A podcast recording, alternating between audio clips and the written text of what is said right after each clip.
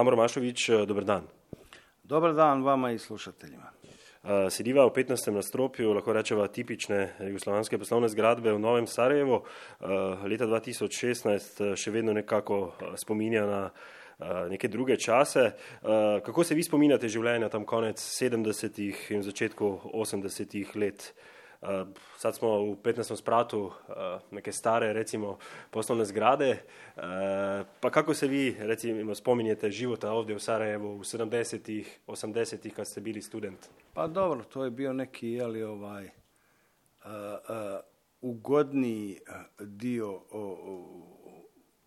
u, u mom životu koji, koji evo traje nešto duže od 60 godina. Ja sam u to vrijeme kako ste i rekli, jeli 70. do polovine 70.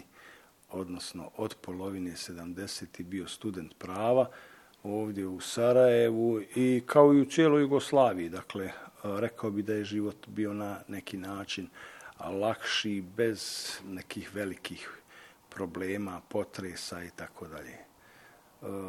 Kasnije, već 80. i 90. ja ću početi profesionalno da se bavim advokaturom u advokatskoj kancelariji mog oca i tu će me i zateći agresija na Republiku Bosnu i Hercegovinu, dakle u mojoj advokatskoj kancelariji. Par mjeseci od početka agresije radio sam, a onda sam vidio da je to izlišno, dakle da se na neki način treba pridružiti otporu protiv agresije i počeo sam raditi u jednoj komisiji koja se zvala Državna komisija za razmenu ratnih zarobljenika, lica lišenih slobode, evidenciju poginulih, ranjenih, nestali. I tu su zapravo i korijeni i ovog mog današnjeg angažmana. Ampak eh, vseeno, če morda vseeno ostanemo v tistih eh, boljših, svetlejših dneh na začetku, uh, leto 84, ne takrat ste imeli, če se ne motim, 29 let, uh, Slovenci ne, se tistega pravličnega februarja spominjamo zelo romantično ne, in tudi simpatijami do Sarajevčanov. Ne. Vsak pri nas skoraj da ve za ta navijaški izrek uh, Jureka volimo više od Bureka. Uh, kako ste vi uh, doživljali te olimpijske igre? Ste bili morda uh, kaj udeleženi, ste pomagali kot prostovolec? Nisam, nisam, ovaj, nisam bio uključen na bilo koji način u organizaciju, izuzev što sam bio u, u publici na mnogim od tih manifestacija tokom olimpijskih igara, ali to je jedan onaj lijepi trenutak u istoriji ovog grada kojih je bilo jako puno kao i onih drugih, onih ružnih, ali olimpijada je definitivno svakom Sarajliji ostala, nisam nikad nikoga čuo recimo da je rekao bilo šta što ne bi bilo lijepo, a vezano je za tu 1984. i za te olimpijske igre. Dakle, svima je olimpijada, Sarajevska zimska olimpijada ostala u lijepom sjećanju. Ne samo u to vrijeme kad smo je doživljavali, nego evo i danas, 30 i nešto godina nakon olimpijade, jeli ljudi i danas se sa, sa sjetom prisjećaju tog vremena. Uh, samo osem let kasneje ne, pa se je začela vojna, ne, v letu 92. Ne, uh, tukaj smo v bistvu eh, nekje na pol v Novem Sarajevu, tam čez je uh, Grbavica, ne, uh, kjer je bila kar huda frontna linija. Kako, kje ste vi bili takrat, leta 92? Mislim, živeli ste z družino, ne, imeli ste že dva otroka. Kako ste vi doživeli ti sam začetek? Dakle, kao i mnogi drugi, poprilično naivno sam gledao na to što se događalo. Tad je bilo kod većine Sarajlija, kod većine Bosanaca i Hercegovaca moguće i, i državljana drugih jugoslovenskih republika uvjerenje da neće doći do sukoba, da neće doći do rata, da je Jugoslovenska narodna armija zajednička vojska u kojoj u istoj uniformi se nalaze pripadnici svih naroda jugoslovenski. Jednostavno, nisam, nisam vjerovao da će prije svega doći do rata, a posebno nisam mogao ni sanjati da će on biti u toj mjeri dugotrajan i krv kakav se na kraju pokazao. Rekao sam prvih par mjeseci nakon agresije, dakle koja je kada je u pitanju Bosna i Hercegovina krenula i negdje u martu mjesecu ili ako ako posmatramo iz aspekta stanovnika mjesta ravno, onda i, i, i još 91. godine su krenuli sukobi. Ja sam radio svoj advokatski posao par mjeseci, onda sam negdje početkom avgusta, kada je već bilo sasvim jasno da, da je posrijedi agresija, da Jugoslavenska narodna armija ulazi sa svojim jedinicama u Bosnu i Hercegovinu, u Zvornik, u Bijeljinu i u druge gradove u blizini granice sa Srbijom, onda sam odlučio da se, rekao sam, pridružim vladi, odnosno jednoj komisiji u kojima je njima trebao, dakle vladi trebala osoba sa poznavanjem međunarodnog prava, ja sam po struci pravnik i pridružio sam se toj komisiji. Kasnije ću kroz čitav period agresije jeli, napredovati od člana te komisije do vršioca dužnosti, predsjednika i na kraju prvog čovjeka te komisije za razmjer ratnih zarobljenika. I mogu reći da i to nije e, neki ružni period, taj rad u toj komisiji je donosio dosta lijepih stvari, dakle bez obzira što, što je tematika bila ratni zarobljenici, tijela poginulih, ipak činjenica da ste bili u prilici da nekoj porodici donesete vijest da je njihov srodnik živ, da je u logoru, ali da je živ, da su toku pregovore o njegovom oslobađanju, su lijepi, lijepi trenuci u tom, rekao bi, ne baš lijepom poslu, ako se to može uopšte nazvati poslom, rad na, na, na pregovorima o razmeni ljudi za ljude ili tijela za tijela. Ja. Um, kako pa ste na tej osebni ravni, ne? morda tudi uh, vaša žena, vaša družina, vaši prijatelji, kako ste se soočali s to vojno? Rekli ste, da no, nihče ni verjel, da se bo res uh, zgodilo. Kako... Djecu, djecu sam dosta rijetko viđao u to ratno vrijeme. Ovaj, ja sam bio uh, vezan i za teren i, i oni su bili relativno mali. Čerka je imala početkom agresije sedam godina, puni sedam godina, sin je imao nešto više od pet godina, tako da supruga je također bila angažovana u vladinim institucijama, najprije u samoj vladi, a kasnije u Ministarstvu za energetiku, namjensku industriju, tako da, da život kao i svakog Sarajlija u to vrijeme, snalaženje oko hrane, oko grijanja, E sad, e, teško je to e, opisati u, u nekoliko rečenica na koji način su se sve ljudi, a to znači i mi, moja porodica snalazili e, u nabavljanju hranje, nabavljanju sredstava za ogrev, to, to nije bilo ni drvo, ni ugalj, nego je to bila neka plastika, stara odjeća, stari novine, knjige. Dakle, sve što je moglo goriti bilo je korišteno kao, kao ogrev. Če pogledate zdaj, eh, s več kot 20-letne distance, pa s tem znanjem ozadij, ki ste jih zdaj spoznali, eh, je bilo takrat mogoče to vojno preprečiti? Kdo bi jo sploh lahko Eh, preprečil? Bi lahko politika, mednarodna politika takrat, kaj bi lahko sploh naredili? Ne vjerujem da je bilo moguće spriječiti. Zapravo ja mislim da on nije posljedica nekih razmišljanja uh, krajem tih 80. i početkom 90. godina, nego je on dugo, dugo vremena pripreman, zapravo to seže možda i desetljećima, moguće i stoljećima unazad, neki nerealizovani planovi u nekim glavama nekih ljudi koji, koji ovaj naravno nikad nisu bili gubitnici u tim ratovima i u tim događajima njihova djeca nisu učestvovala u, u tim ratovima. Ona su bila negdje vani ili dobro sklonjena. Dakle ljudi poput Miloševića ili čak ne i Miloševića koji je bio lutka igračka u rukama srpskih akademika, dakle akademika i Srpske akademije nauka i umjetnosti, djelomično i ljudi iz Srpske pravoslavne crkve. Bilo je, čini mi se, nemoguće spriječiti izbijanje tog rata. On bi mogao biti spriječen samo da oni protiv kojih je vođen, da su podigli ruke i, i predali se i rekli u redu, mi ćemo danas biti dio velike Srbije i mi to prihvatamo. Dakle, na taj način se taj rat mogao spriječiti, e sad to je ono vječito pitanje, je li, je li sloboda najvažnija, najvažnija vrijednost i dobro koje svaki čovjek ima ili, ili treba živjeti pa makar i, i, i bio rob. Eto, u tom času veliki dio jugoslovenskih naroda, odnosno većina u bivšim jugoslovenskim republikama je smatrala da je sloboda najvažnija, da je nezavisnost važna i oni su odlučili da se brane od agresije i to je onda pretvoreno jeli, u jedan opći rat koji je trajao pune četiri godine, odnosno ako uzmemo u obzir i događanja na Kosovu i duže od četiri godine.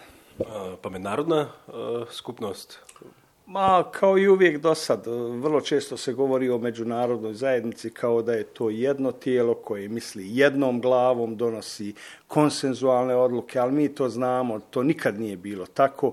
To je jedan konglomerat različitih interesa, različitih neostvarenih ambicija pojedinaca i čitavih struktura, pa usuđujem se reći u nekim slučajevima i čitavih naroda. Dakle, neke neostvarene ambicije jednostavno s protekom određenog vremena ponovo isplivaju na površinu i to obično znači rat. I znači rat protiv, protiv slabijeg i znači žrtve na strani slabijeg i znači na kraju amnestiju onih koji su za sve to odgovorni, koji su to sve izazvali. Tako je bilo i u ovom ratu. Dakle, da su se e, to što zove međunarodnom zajednicom pridržavali vlastitih pravila, vlastitih konvencija, vlastitih rezolucija, a rat bi možda opet se dogodio, ali ne bi bio tako dugotrajan i ne bi bio u toj mjeri krvav kakav je bio. Da je međunarodna zajednica ispunila dijelić svoje uloge,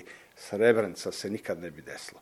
Ako se mogu braniti na početku agresije nespremnošću, nesvatanjem prilika na ovim prostorima, ali 95. kad su se već dogodili Foča, Rogatica, Višegrad, Vlasenca, Zvornik, Prijedor, Ključ, Sanski most, Nevesilje, kad je to sve već viđeno, dopustiti da se desi kao kruna svih tih zločina i, i zločin genocida u Srebrenici i Žepi, dakle, ne može, ne može biti međunarodna zajednica ni na koji način amnestirana za svoje za svoju pasivnost. Um, gospod Amro Mašovič, kako z vašo vojno izkušnjo spremljate druge aktualne konflikte po svetu, um, naprimer boje v Iraku zdaj, ne pa vojno v Siriji, begunsko tragedijo? Nismo ništa naučili, dakle svijet apsolutno ništa nije naučio iz događaja u Bosni, na Kosovu. 2004. godine sudjelovao sam na jednoj konferenciji posvećenu uh, genocidu odnosno sprečavanju genocida u Štokholmu kad je kad je Kofi Annan, tadašnji generalni sekretar UN-a, jednostavno na jedno pitanje rekao nema garancija. Dakle, 2004. godine, poslije Bosne, poslije Kosova, rekao nema nikakvih garancija da se Srebrenica neće ponoviti. Dakle, svijet nije ništa naučio i zbog toga se dešava. Biće još jako puno, plašim se, i Iraka, i Sirije, i Libije, i Jemena, i svih ovih mjesta na kojima danas, dok mi razgovaramo, djecu vade iz ruševina, polumrtve, izvlače hitne pomoći, mrtve iz, iz, iz, iz ruševina Alepa, iz Mosula i drugih gradova. Svijet ništa nije naučio ili smo mi suviše naivni ili, ili se sve to događa određenim redoslijedom na određenim mjestima i u, od, sa određenom svrhom i ciljem, koji se najčešće svodi na novac, profit, interes i tako dalje. Ok, to je bio sad prvi dio, ću vas opet na povjerati i idemo dalje. Mhm. Uh, mogu da vas samo nešto pitam. Da, da možemo da zamlačimo? Zamlačimo. Nedeljski gost na valu 202 je Amor Mašovič, ki ima eno izmed ključnih vlog pri iskanju posmrtnih ostankov ubitih v vojni v Bosni in Hercegovini. Uh, gospod uh, Mašovič, uh, koliko jam ste se spustili, koliko množičnih grobišč ste odkrili v teh dobrih 20 letih? Nešto više od 30, ne znam tačan broj, prestao sam zapravo da brojim te jame, mislim, mislim 34 jame. Neke od njih su bile e, vještačke, neke prirodne, najdublja od njih je bila e, dubine oko 100 metara, dakle radi se o vertikalnoj prirodnoj jami u zapadnoj Hercegovini, neke od njih su bile pliče, desetak i nešto više metara. U tim jamama je pronađeno, ako se ne varam, sve ukupno u svim tim jamama u kojima sam se ja spuštao, nešto više od hiljadu žrtava, uglavnom uglavnom, ali ne isključivo bošnjaka, dakle bosanskih muslimana, a do ovog časa je otkriveno e, nešto više od 600 grobnica e, sa pet ili više od pet posmrtnih ostataka u njima, odnosno više od hiljadu grobnica koje se po najnovijoj e, spoznajama jeli, teorije smatraju masovnim. To su one grobnice u kojima je više od jednog pojedinca, dakle sa dva ili više od dva tijela, takvih je već više od hiljadu otkrivenih u Bosni i Hercegovini i one se danas tretiraju kao masovne grobnice. Nisam siguran zapravo da li bi trebalo tretirati ti, po tim pojmom masovna grobnica, grobnicu u kojoj se nalazi dva tijela. Mi smo donedavno smatrali takve grobnice sa dva, tri ili četiri tijela. Podvodili smo i pod termin zajednička grobnica, a ona sa pet ili više od pet masovna grobnica, naravno grobnice sa jednim tijelom su pojedinačne. Eto, kažem, tih sa dva ili više od dva tijela je već više od hiljadu ili hiljadu i sto otkrivenih u, u Bosni i Hercegovini. Gdje vam je bilo najteže? Bojim se da, da taj trenutak zapravo još i možda nije došao. Kad god sam mislio da je najteži trenutak i za mene pojavio se neki novi događaj, neka nova grobnica, neka nova žrtva i shvatio sam da zapravo ono što sam mislio da je iza mene, a to je taj najteži trenutak, da je on ipak negdje ispred mene.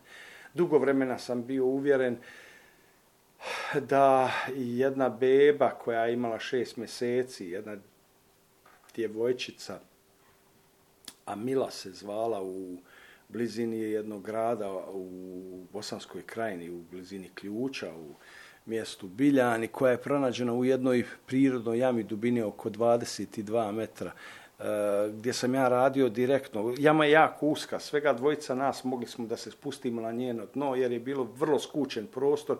Jedan od tih ljudi je bio jedan kriminalistički policajac iz ovog, iz Sarajeva i, i ja sam radio nekoliko dana u toj jami i strepili smo, hoćemo li uopšte uspjeti da, da, da među tih 188 tijela detektujemo preko kojih je bila ubačena zemlja, kamenje, drveće, smetlje i tako dalje. I ta jama je bila dubini 22 metra do vrha zatrpana tim otpadnim materijalom.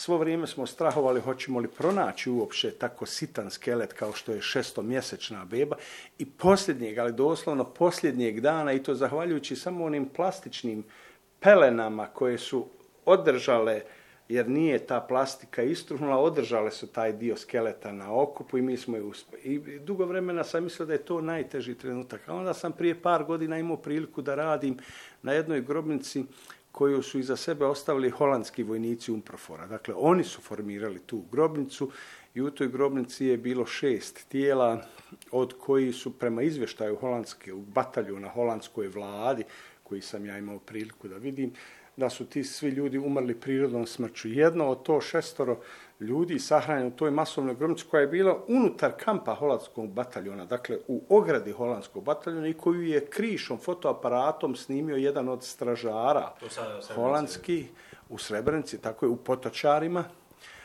koji je jednostavno više nije mogao da živi sa tom strašnom tajnom koju je nosio, podijelio je najprije sa svojim kolegama vojnicima i njih grupa, njih četvorca došli su do mene ovdje u Sarajevo i donijeli mi neke skice i između ostalog donijeli mi fotografiju te masovne grobnice. Trebalo nam je nekoliko mjeseci da, da odredimo, jer se konfiguracija terena bitno promijenila, da odredimo gdje je tačno ta masovna grobnica unutar holandskog bataljona i kad smo je odredili, kad smo pristupili eksumaciji, između ostalog tamo je pisala da je u toj grobnici jedna beba koja je umrla pri, pri porodu njene majke.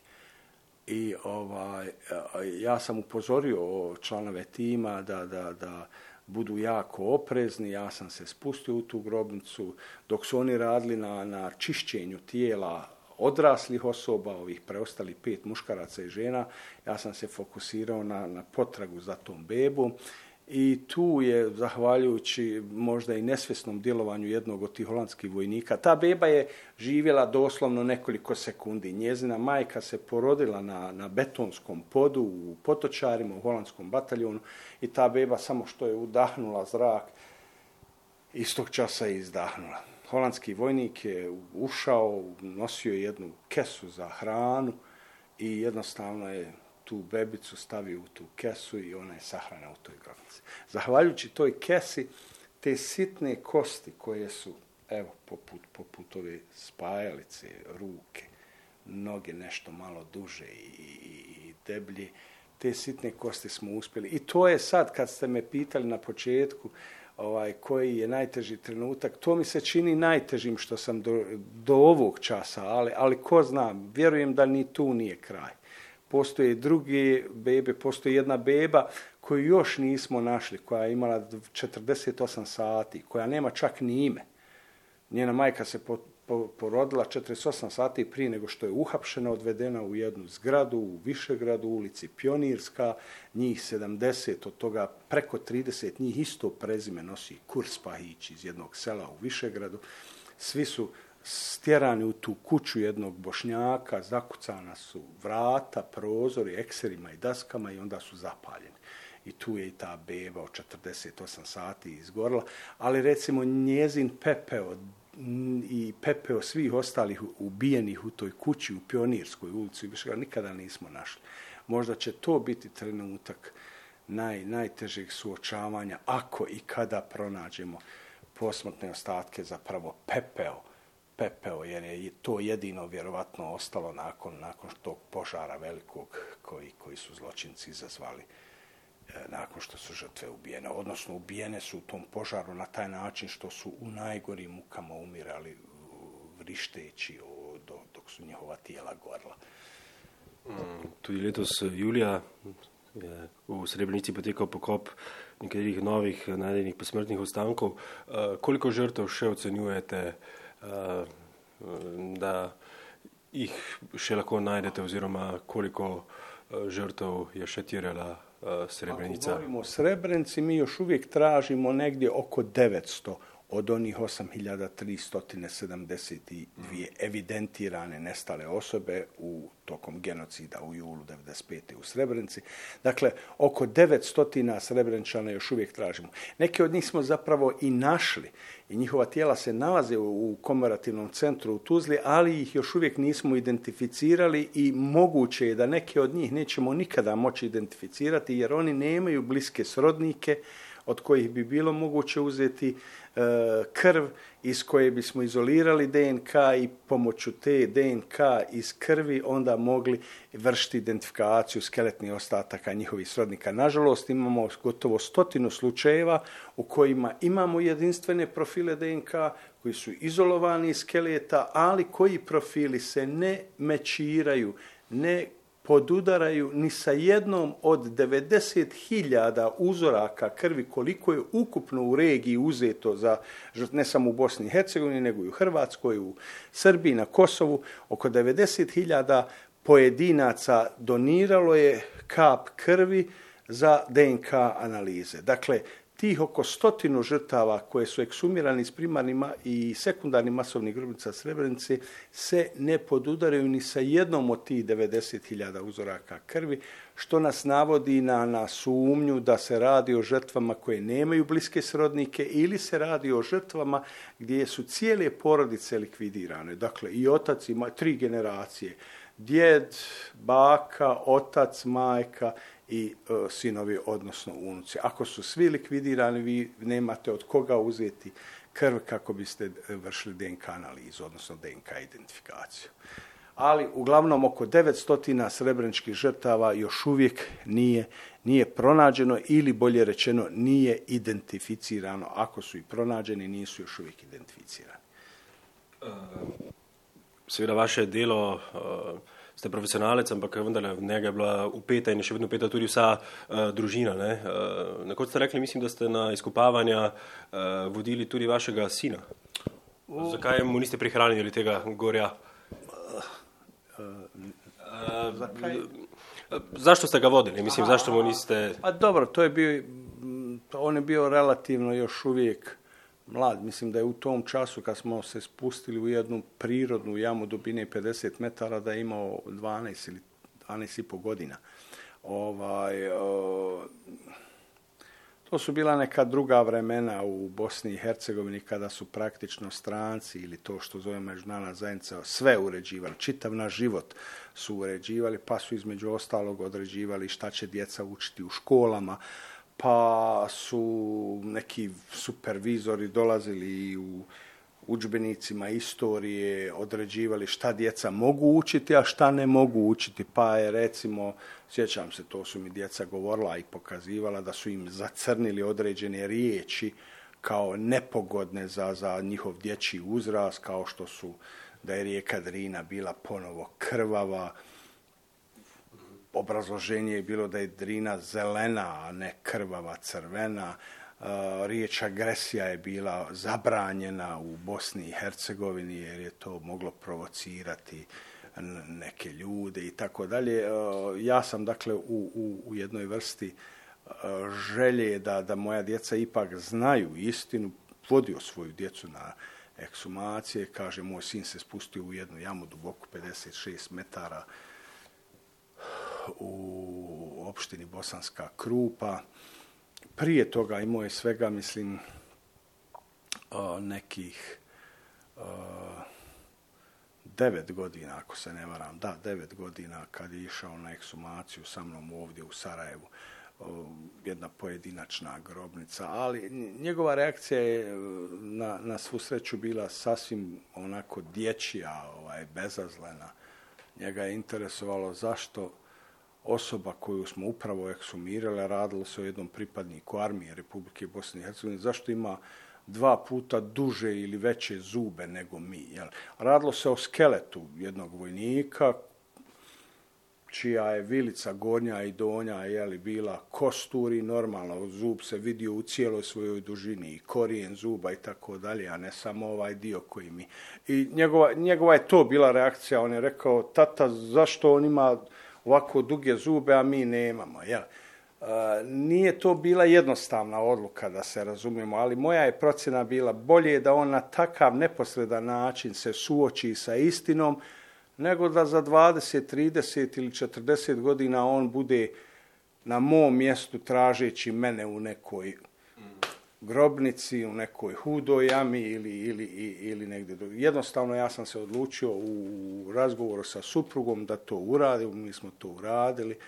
I poslije toga sam rekao sinu, ti kad budeš odgovarao istoriju, ti ćeš ono što piše u tvojoj knjizi istorije naučiti i reći ćeš u svom razredu onako kako piše u knjizi istorije.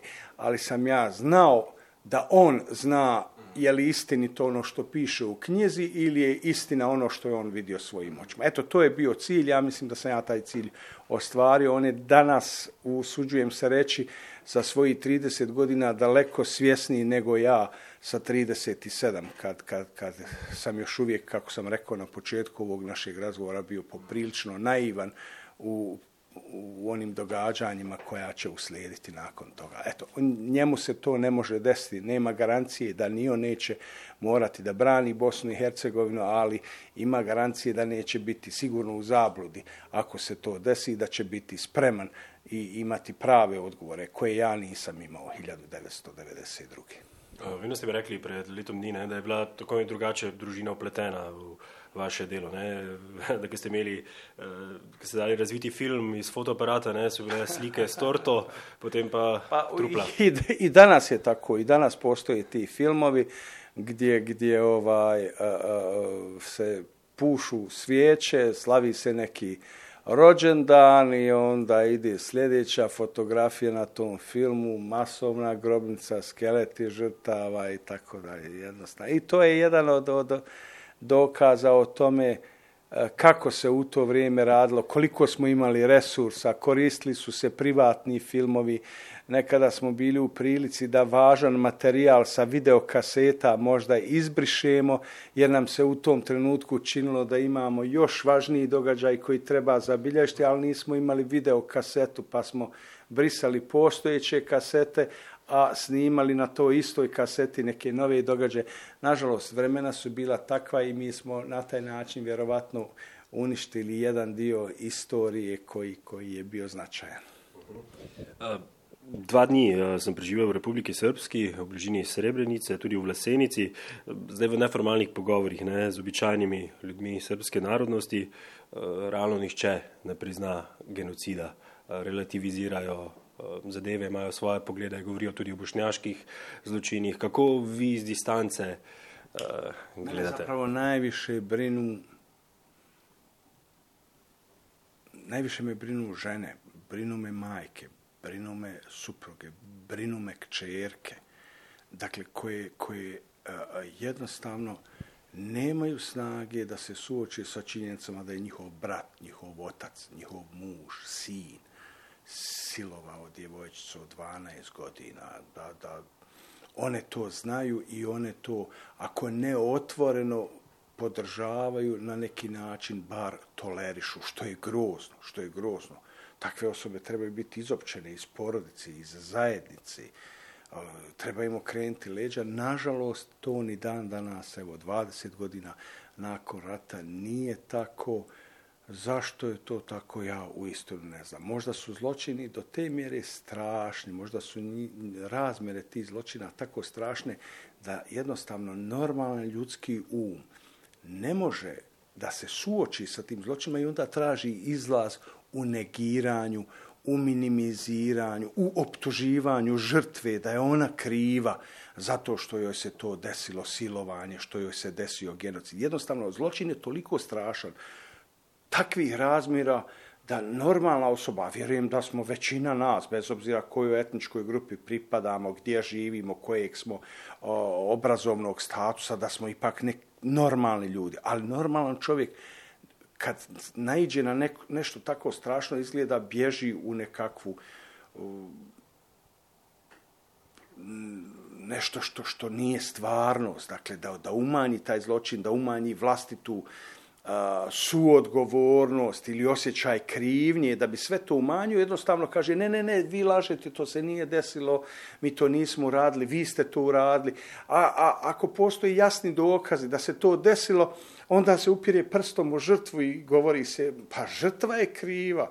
Oni u Srebrenici su ubijeni, kako to reče jedan čovjek koji, koji radi u ovom institutu, kao u savjetodavnom odboru, radi se osobi srpske nacionalnosti, koji kaže da, da ono što se desilo u Srebrenici je zapravo božja kazna za ljude iz Srebrenice, zato što su oni krivi, što su neki Srbi ubijeni u nekom selu u Srpskom 92. u blizini, u blizini Srebrenici. I on je rekao da je njih Bog kaznio, dakle nisu njih ubili, nisu ih streljali po 500, po 1600 u Zadruzi, u Krajevci, ne, njih je to Bog kaznio za to što su to zaslužili. Dakle, to je strašno, to, to je dakle, nešto što obeshrabruje i na neki način čini mi se udaljava nas, sve više nas udaljava od tog toliko potrebnog ponovnog vraćanja povjerenja među ljudima. Nekad to povjerenje počne da se, da se vraća, ljudi se druže, zajedno su u Srebrenici u jednom sportskom klubu koji se zove Guber, igraju futbal, Srbi, Bošnjaci i tako dalje. A, a, onda, a onda se desi jeli, nešto tako i ovaj, sve nas vrati nekako u, unazad na početak i onda teškim, sporijim, malim koracima ponovo se vračamo na mjesto gdje smo jedan put bili. Ampak eh, med pogrešanimi so tudi Srbi, ne? v manjšini sicer. Ne? Tudi nekatere jame so, kjer so posmrtni ostanki ljudi srpske narodnosti. Tega najbrž ne zalikate. Dakle, postoje grobnice u Bosni i Hercegovini u kojima su uh, ili pojedinačno sve etničke skupine ili čak grobnice u kojima imamo izmiješane različite pripadnike različitih etničkih skupina. Neka čak zajedno u istoj grobnici masovno imamo bošnjake i srbe. Pa onda imaju neka obrazloženja kako se to desilo, pa čujemo da je taj Srbin htio da zaštiti svoje komšije bošnjake i da je i on bio žrtva onih zločinaca pred koje je on stao da ih zaustavi u njihovom namu. Dakle, u Bosni i Hercegovini postoji grobnice svih etničkih skupina. Naravno, kada se gleda statistički ili brojčano, postoji bitne razlike. U populaciji nestalije u Bosni i Hercegovini ih je bilo više od 30.000 1995. u novembru kad je potpisan Dejtonski mirovni sporazum. Od tih 30.000, 85% su bošnjaci, bosanski muslimani, oko uh, 11% su bosanski Srbi, nešto više od 3% bosanski Hrvati, onda dolaze određene nacionalne manjine i takav je odnos i grobnica, odnosno pronađenih, eksumiranih i na kraju identificiranih žrtava, odnosno nestalih osoba. Ali je nesporno da u Bosni i Hercegovini nisu na jednoj strani isključivo žrtve, a na drugoj strani isključivo zločinci različiti su motivi, različite su razmjere tih zločina, različite su vrste tih zločina, u nekim slučajevima su to uslovno rečeno obični ratni zločini, jel, ako se smije tako nazvati, a u drugim slučajevima to je genocid, zločini protiv čovječnosti, masovna silovanja kao zločin protiv čovječnosti, kako je to Haški tribunal odredio. Dakle, postoje razlike u tim stvarima, ali je činjenica da su pripadnici svih etničkih grupa u Bosni i Hercegovini bili žrtve ratnih zločina. A, gospod Amro Mašović, v Mariboru ne, so pokopali 800 žrtov iz hude jame. A, kako doživljate zločine iz druge svetovne vojne? Zagotovo so presenetili tudi vas. Uh, tako... I, I huda jama i, i, i sve hude jame koje će tek biti otkrivene i to ne samo u Sloveniji, ima ih u Hrvatskoj, ima ih ovdje u Bosni, ima ih u Srbiji, Makedoniji, u Crnoj Gori, ovaj, a, su dokaz da bez obzira koliko je dugo vremena prošlo od nekih događaja, da, da se istina jednostavno niti može, niti treba skrivati. Ona je posljedica jednog vremena, posljedica djelovanja nekih ljudi u tom vremenu, ali činjenica je da istinu pišu uvijek pobjednici i da njihovi zločini ne postoji, bar izvjesno vrijeme. Ali da se mogu sakriti, ne mogu. To je. Nedavno je tu gdje vi sjedite, sjedio ministar vanjskih poslova Katalonije, između ostalog i vanjskih poslova Katalonije, dakle pokrajini u Španiji, koji je došao da razmijeni sa mnom iskustva u pogledu traženja nestalih. Zašto? Zato što Katalonija ima namjeru da poslije 1936. kada su frankisti došli na vlast, pa sve do 75. dok general Franco nije umro, imali su 140.000, ne samo Katalonija, nego cijela Španija, 140.000 nestalih. Oni smatraju da je došao trenutak da oni otkriju istinu o, o nestancima ti ljudi. Naravno, sad je na neki način već i dosta kasno. Ta istina neće biti jednako vrijedna kao prije 50 godina, kad ste nekoj supruzi trebali kucat na vrate i reći vaš muž je ubijen, njegovo tijelo se nalazi u zatvoru, u Barceloni, u Madridu, u Granadi i tako dalje, e, ali, ali je važna i danas. Dakle, istina se ne može sakriti. Evo, ja ću vam reći jedan primjer koji je relativno svjež prije par godina kad smo radili eksumaciju na jezeru Peručac.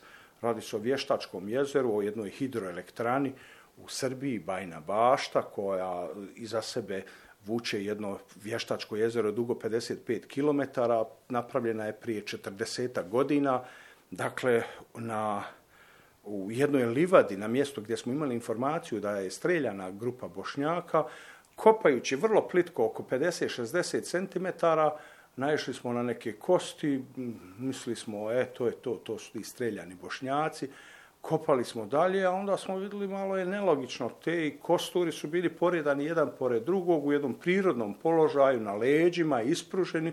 Kad smo još više očistili te kosture, imali smo šta vidjeti. Željezni križevi oko vrata, novčići sa likom Franje Josipa ili Franje Franca Jozefa, austro-ugarskog ovaj, monarha. Dakle, radilo se o austro-ugarskim oficirima koji su tu sahranjeni u vremenu između 1914. i 1918. Ne znam od koga, od svojih vojnika, od lokalnog stanovništva, ne znamo ni kako su stradali, jesu li umrli od nekih zaraznih bolesti, jesu li ubijeni, to ništa ne znamo, ali znamo da smo našli ljude koji su gotovo 100 godina ležali u zemlji na obali rijeke Drine do 70. godina, kad je jezero pokrilo tu livadu i kada su oni ostali ispod jezera na dubini od 4-5 metara bez ikakve nade da će ikad biti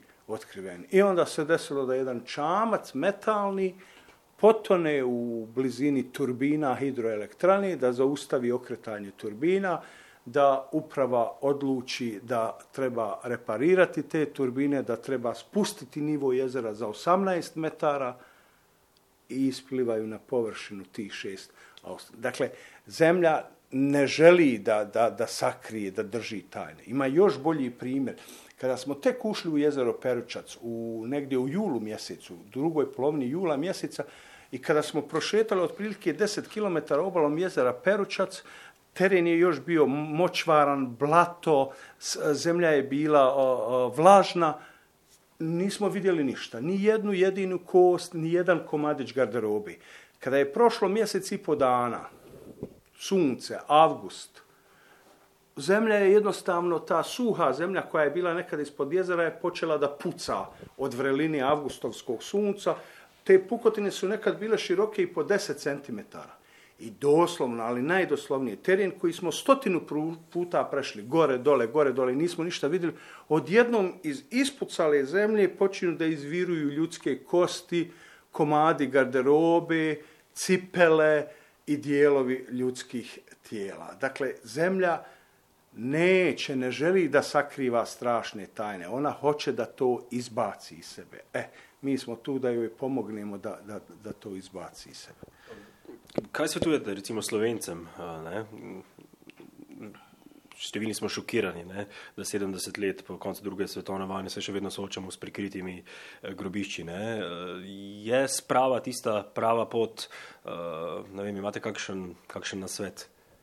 savjet, kako, kako neka družba o recimo Sloveniji sad kad se to saznalo, svi su bili šokirani.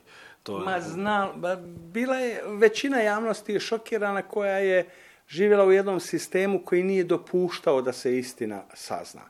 Ali uvijek su postojali ne samo pojedinci, nego čitave grupe ljudi koji su dolazile iz tih, hajde uslovno rečeno, vladajući sleva, koji su znali svo vrijeme i za Hudu jamu, i za Barbaru, i za stotine tih Hudi jama za koje mi ne znamo i koje možda neće biti još u narednih sto godina otkrivene. Postoje ljudi koji su to znali i koji su jednostavno odlučili da šute, koji su živjeli sa tim strašnim tajnama, neki od njih i, i, više, mnogi od njih zapravo više i nisu živjeli. Ali postoji još uvijek neki ljudi koji teško spavaju, koji nemirno spavaju, koji, koji to znaju. Naravno, široka javnost koja je živjela u sistemu koji je negirao da se nešto tako uopće moglo desiti, da, da pobjednici su zločinci, da, da su vršili arbitralne egzekucije. E, kako bude vrijeme odmicalo, bit će sve lakše da, da širi slojevi ljudi prihvate tu istinu i da vide da istina nije baš onakva crna i bijela, nego da ima i ono između što se zove život, a život je između ostalog da i oni koji su bili oslobodioci, koji su bili, hajde uslovno rečeno, na pravoj strani, da su i oni znali nekad prekoračiti granice dozvoljnog i da su znali otići sa onu stranu zakona. To je prava istina i nema razloga da se ona skriva. Drugo je pitanje, trebaju li odgovarati ljudi koji su odgovorni za to, koji su bili egzekutori, koji su naređivali egzekucije. Vrijeme je učinilo svoje, biologija je učinila svoje. Ti ljudi ili danas nisu sposobni za suđenja, njima je 85, 90, senilni su, nepokretni i tako dalje. Ovaj, evo, govorio sam o Španiji, oni su odmah u prvoj vladi, nakon smrti generala Franka, donijeli zakon o amnestiji. Njih neće zanimati ko je odgovoran za ovih 140.000 nestalih Španjolaca, i katalonaca, njih će zanimati samo da pronađu njihova tijela, neće čak vjerovatno vršiti ni identifikaciju jer nema puno srodnika od kojih bi se mogla danas prikupiti krv, ali hoće da se zna, hoće da se zna da je taj i taj režim u to i to vrijeme radio to i to. I to je pravo, dakle, svih ljudi, posebno pravo članova porodica i bliskih i dalji da saznaju istinu, takozvano pravo da se zna, jeli, da, da ja kao srodnik znam šta je bilo sa mojim djedom. Ok, idemo još sad na kraći, da, treći dio smo v Sarajevu, naš nedeljski gost na valu 202 pa je Amor Mašovič z Inštituta za pogrešene osebe Bosne in Hercegovine. Um, Amor Mašovič, eh, tukaj v pisarni ne, eh, je veliko zahval ljudi, ne, ki ste jim pomagali uh, najti posmrtne ostanke svojcev. Uh, pomeni ta traumatična najdba kosti vendarle vsaj nekaj olajšanja. Uh, ovo, ovdje je puno ovih zahvalnica, ali to je naravno traumatično kad vi nazovete ove svojice da ste možda pronašli njihove suradnike, ali ponekad je to i možda neke olakšanje. Kad... O, o, mislim da je, da je u, u, olakšanje. Dakle, težak je taj trenutak, pogotovo ako to govorite e, ne oči u oči, nego telefonom, a nekad smo, nažalost, u takvoj prilici da zbog ograničenog broja ljudi koji rade za nas, za institut, da moramo tu istinu telefonom saopštiti. Ovaj, o, nedavno izašao jedan članak u mislim u dnevnom avazu ovdje u dakle jednom dnevnom listu ovdje u Sarajevu jedan novinar je opisivao taj trenutak kad sam ga ja nazvao prije nekoliko nedelja da mu saopštim da je konačno nakon 24 godine, 25 godina pronađen njegov brat koji je također bio novinar i koji je bio prva novinarska žrtva u agresiji na Republiku Bosnu i Hercegovinu. On se zaslužuje da se njegovo ime pomene. On se zove, zvao se Kjašif Smajlović, ubijen je u Zvorniku. Kasnije je njegov brat bio novinar. Ja sam njemu saopštio u, u jednom trenutku da je DNK potvrdila da je u jednoj od posljednjih grobnica koje smo otkrili bio i njegov brat Kjašif. I ovaj, e, on je taj događaj opisao na taj način što je rekao da je bio u prvi mah šokiran kad sam ga ja nazvao, kad sam mu to rekao, ali onda dodao uh, kako sam ja kao otprilike parafrazirat ću kao pravi profesionalac onda okrenuo priču na njegovu porodicu, odakle su Smajlovići, poznaje li on tog Smajlovića kojeg ja i na taj način je taj šok koji je on doživio na neki način ublažen. Ja ne tvrdim da ja to svjesno radim, vjerovatno je to neka vrsta podsvijesti da se tim porodicama olakša taj trenutak, ali generalno govoreći to je trenutak olakšanja bez obzira na trenutni onaj šok kad vi kažete vaš otac, vaš brat, vaš sin je pronađen, dakle šok koji, koji tog trenutka doživite, sve ono što slijedi u, već u sljedećoj minuti je olakšanje. Ljudi počinju razmišljati, o konačno ću zaspati mirno, konačno ću imati mjesto gdje ću ja otići učiti fatihu, spaliti svijeću, mjesto gdje ću se isplakati, mjesto gdje ću se sa svojim ocem ili majkom ispričati na grobu, na, na mezoru. Otprilike ljudi tako, tako razmišljaju. Ovaj, važan je to trenutak. Oni od nas koji nisu doživjeli ni u prošlom, ni u drugom svjetskom ratu, ni u toku ove agresije na Bosnu koji nisu doživjeli gubitak članova porodice, koji ih poslije toga nema, koji nemaju grobova, ne znaju zapravo ni na koji način. Ne znam, može, možemo li uopšte naslutiti kroz šta prolaze te ljudi. Tudi v vaši družini ne, imate izkušnjo s pogrešanimi osebami. Ne? Če se ne motim, ne, eh, v drugi svetovni vojni je izginil brat eh, vaše babice. O, tako je. Zapravo, zapravo moje mame brat je nestao tokom drugog svjetskog rata, nikada nije pronađen.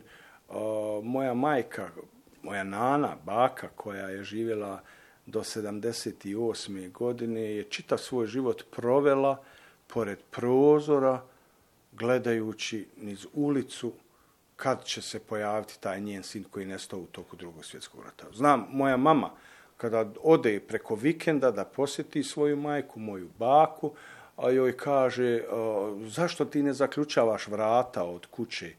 Neko će ući. Ona naravno nije imala nikakvo bogatstvo, imala je jedan špajz, jel, jednu ostavu koju je bilo med, orasi, suhe šljive i tako dalje, nešto što što iz zimce. Moja mama kaže njoj, pa uče ti neko i odnijeće ti sve ono iz špajza.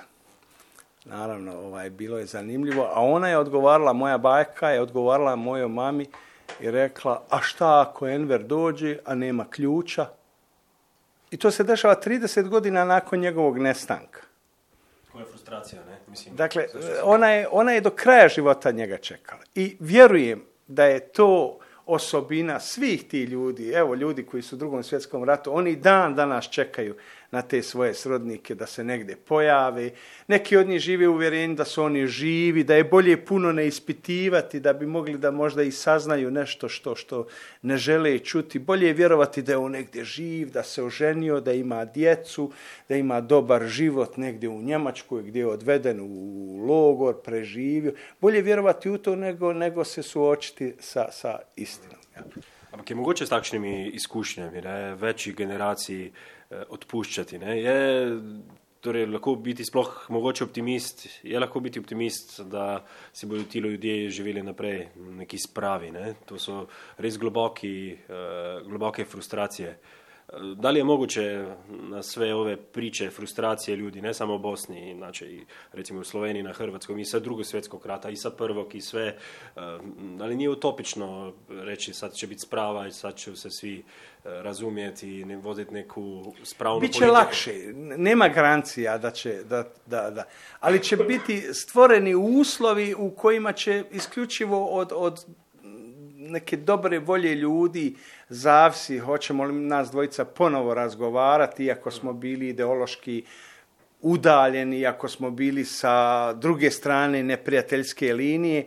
A, kad se sazna istina, bit će lakše pogledati jedan drugog u oči i možda za početak klimnuti glavom jedan prema drugom, sutra možda reći zdravo jedan drugom, a prekstra već možda razgovarati, a za pet godina možda razgovarati o tim događajima iz svog ugla i otkriti neke zablude koje smo imali u vrijeme tih događanja ili u kasnije vremenu. Dakle, jednostavno, bit će lakše, kad se sazna istina, bit će lakše razgovarati, bit će lakše komunicirati, a ljudi će imati priliku da upoznaju jedni druge. Sada možda veliki broj nas živi sa, sa predrasudama o tome da čitavi narodi su ovakvi ili onakvi, dobri ili loši, a u stvari nikad se ne radi o tome. Radi se uvijek o pojedincima koji u određenim istorijskim trenucima isplivaju bilo bilo kao pozitivni likovi, bilo kao negativni likovi, zločinci.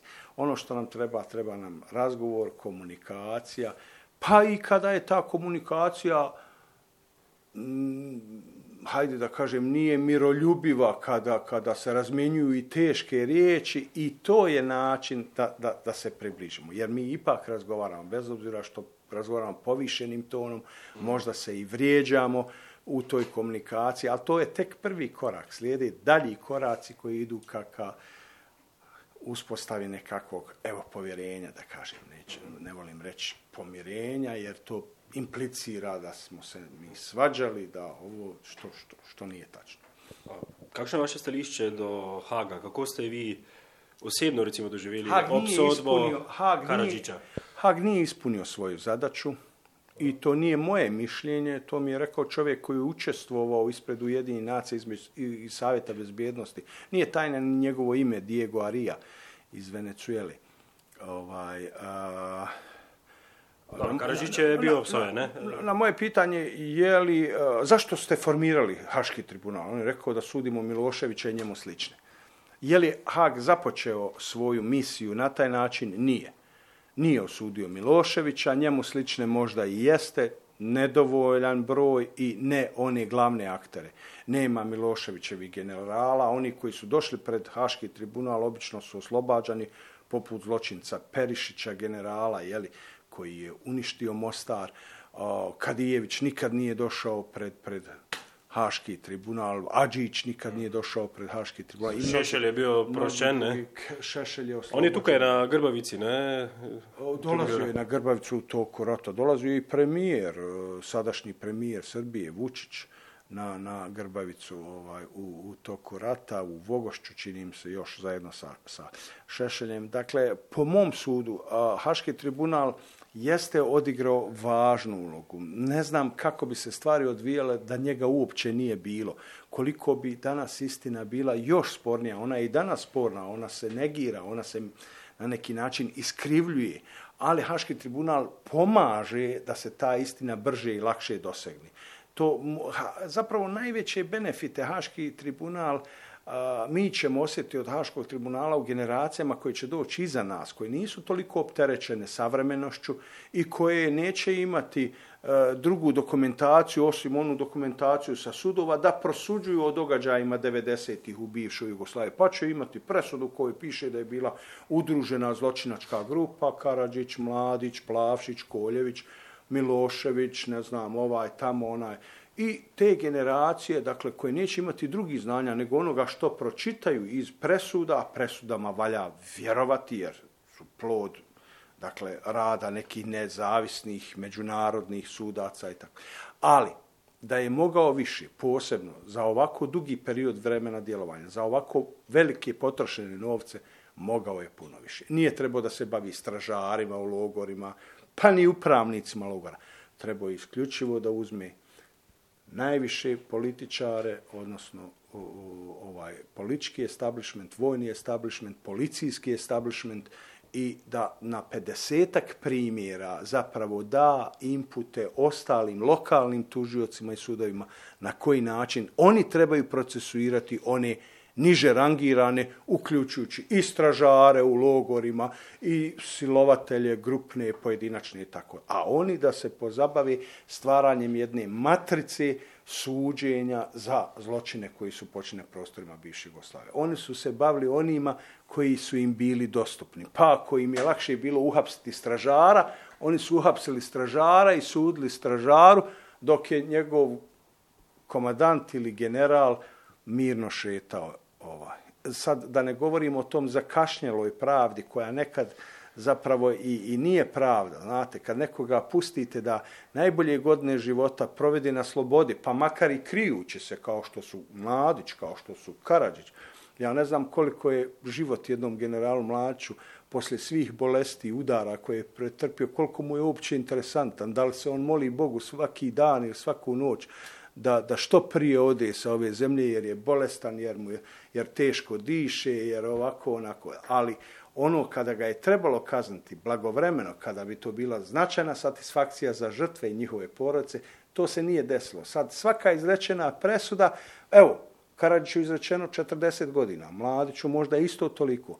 Hoće li ikad izdržati tu kaznu? Nikad je neće izdržati. Ili će priroda učiniti svoje, jeli, ili će biti na kraju krajeva, i to je jedna od vrlo značajnih mana Haškog tribunala, ili bolje rečeno predsjednika Haškog tribunala, a to su ove pomilovanja koja se obavezno, obavezno dešavaju nakon određenog broja godina izdržane kazne. Gdje, gdje vi vidite da oni koji su pomilovani, koji su ranije izašli, da nemaju osjećaj zahvalnosti prema predsjedniku tog tribunala zbog ranijeg puštanja, nego se ponovo uključuju u iste one falange, u iste one institucije, organizacije na čijem čelu su počinili te zločine. Primjer je Biljana Plavšić, Momčilo Krajišnik, Momir Vasiljević u Višegradu. Dakle, ljudi koji su zločinci, koji danas opravdavaju te zločine, a pred Haškim tribunalom su skrušeno se pokajali navodno i rekli ja se osjećam odgovornom, ja sam kriva, ja molim da me ne kažnjavate i tribunal je povjerovao u to, izrekao blagu kaznu, pa i tu blagu kaznu umanjio pomilovanjem, a onda je vidio ponovo pravo lice kad su izašli na slobodu i Biljane Plavšić, koja danas kaže, otvoreno kaže, piše u svojoj knjizi, da je ona sve to priznala samo zato da bi zaštitila srpski narod, da bi dobila manju kaznu i tako. I Haški tribunal na to ne reaguje. Kakšna bo Bosna in Hercegovina čez 20 let, recimo ob 40-letnici Detonskega sporazuma? Koliko puta sam se prevario da, da, da, da, da mislim da, da, da Kako preživi s teško ću se Teško ću se usuditi. Ovaj. Mogu reći kako bi ja volio, a kakva će biti, ne osjećam se, ne osjećam se pozvan. Ja volio da je vidim onako zbog kakve sam ostao. Ja sam bio po profesiji advokat, imao sam određenu ušteđevinu na početku agresije, imao sam rodbinu, imao sam nekretnine izvan Bosne i Hercegovine i za mene je bilo najlakše rješenje ono rješenje pobjeći od rata reći nije ovo moj rat. Dakle, ja, sam, ja, se nisam, ja to nisam osjećao. Ja sam osjećao svoju dužnost da ostanem tu, da je to moja država, da treba na način na koji ja mogu da je brani i zato sam ostao. Poslije rata nisam vidio takvu Bosnu i Hercegovinu. Takvu zbog koje sam ostao u Sarajevu svo vrijeme agresije još uvijek ne vidim. Ali još uvijek zaista iskreno se nadam i mislim da neće ta nada biti ona, ona uzaludna nada, da će ona biti jednog dana. Mene neće biti da je takvu vidim, ali možda to i nije moj zadatak. Možda je moj zadatak samo da gradim temelje jedne takve Bosne, naravno onakve kakva je uvijek bila, u kojoj će živjeti svi oni koji su u njoj rođeni, koji su vijekovima u njoj, različiti po svim osnovama, a udruženi u jedan istinski zajednički osjećaj da su svi Bosanci i Hercegovci. I oni bosanski Srbi, i oni bosanski Hrvati, i Bošnjaci, i Židovi, i Slovenci, i tako dalje. Imate razloge za optimizam? Ne vem, su mlajše generacije pa, gledaju drugačije? To dolazi u nekim talasima. Mi čas idemo ubrzanim koracima naprijed. To se nedavno desilo. Ponovo smo se približili Europi. A onda dođu neki događaji, dođu neki glupaci, pa organizuju referendume, pa govore da ne treba uvažavati presude najvišeg suda u Bosni. Pa nas to povremeno zaustavi, pa onda jedno vrijeme stvari stoje, stoje, stoje, pa krenu opet naprijed. Ja, ja, ja sam optimista. Ono sa čim sam se pomirio jeste da je ja takvu vjerovatno neću vidjeti. Ili kad je budem vidio, ko zna koliko ću biti u stanju da to razumijem sa svojih 70, 80, ne daj Bože, 90 godina. Jeli? Ali, ali, moj zadatak je da zemlju ostavim bolju nego što sam je ja zatekao ili u jednom trenutku kakva je bila svojoj djeci. To je moj zadatak i, i, i to je nekakva moja, moja misija. Najbrž boste šli čez nekaj let v pokoj, v penzijo. Uh, boste lahko izklopili, uh, se ne bojite, da vas bodo te nesrečne žrtve uh, preganjale v bolj sproščenih dneh. Imate kakšen hobi? Ja, se ne, ja se ne bojim, ali profesionalci vele da je tako. Uh, psihijatri, ljudi koji se bave ljudskom psihom, tvrde da je to tako. Dakle, vrlo često je pitanje i evo ovo vi ste možda ko zna koji novinar ili osoba koja me pita, ima li problema sa snovima, kako spavam? Odlično. Ima li u snovima grobnica, grobova? Nikada. Nikada. Nikada. A rijetko sanjam, ako sanjam, ne sanjam te grozne stvari koje su moje oči vidle. Zašto? Vjerovatno je objašnjenje zato što je to moja zato što ja dnevno to viđam i, i nema potrebe sad da mi se još to i u snovima javlja. Jednostavno, ja sam taj dan listao neke albume, gledao neke skelete ili sam bio u nekoj grobnici, doticao neke ljudske uh, kosti i tako dalje, pa sam i suviše i umoran da, da, da sanjam takve stvari. Ali šta će biti ono trenutka kad se distanciram, kada sve te slike koje jesu memorisane u mojoj podsvijesti, kada sve te slike ne budu dnevni događaj, kada one torte i ono o čemu smo pričali bude ono što je moje dnevno doživljavanje, šta će biti sa tim slikama pohranjenim u mojoj podsvijesti? Hoće li htjeti da izađu pred moje oči i hoću li ja imati snage da se u tom trenutku s njima suočim? To, to, je, to je pitanje na koje ja nemam odgovora. To vjerovatno za, zavisi od svakog pojedinca koji je kao i ja bio uključen u, u ovu misiju i šta će biti ostaje, ostaje da vidimo. Ja, ja pokušavam, meni je 61 godina i na neki način pokušavam da polako, da na, na, na postepeno se isključujem te slike iz svog dnevnog života, da to bude nešto što ću se ja jednom u deset dana, kasnije jednom u mjesec dana suočavati. Dakle, da taj prelazak ne bude nagli, nego da bude postepeni, da, da, da bi ja mogao lakše da se adaptiram na jedan drugi život u odnosu na ovaj koji živim 20, posljednji 25 godina. Uh, morda bi lahko temu pripomogla tudi Nobelova nagrada za mir. Ne? Uh, skandinavsko društvo uh, Bošnjakov vas je predlagalo ne skupaj z materami iz Srebrenice Uh, to je lepa, lepa gesta, ne? Ja, Nobelova nagrada za mir živi jedan dan ili sedam dana. Onaj dan kad objave da ste nominovani, onaj dan kada kažu da će biti dodjela nagrade i onaj trenutak kad vam neki tamo iz Nobelovog komiteta dodijeli tu nagradu. Ono što vidite ovdje u ovoj prostoriji, a još više ono što ja imam ovdje u, u svom srcu. Ja, ja Nobelovu nagradu za mir dobijam svakodnevno. Ja ću danas otići sa svojom suprugom na pijacu, meni potpuno nepozna čovjek ili žena prići će, prvo će me malo zagledati, obilaziti oko mene i onda će imati hrabrosti da, da priđe da kaže jeste li vi Mašović ili gospodin Mašović ja klimnem glavom, jesam, jer ja znam šta sve slijedi dole. Mm. Slijedi stisak ruke, hvala vam sve što ste učinili ili za mene, ako je neko njegov lično stradao, ili jednostavno ljudi kažu hvala vam za ono što radite, neko kaže za naš narod, neko kaže samo za ono što radite.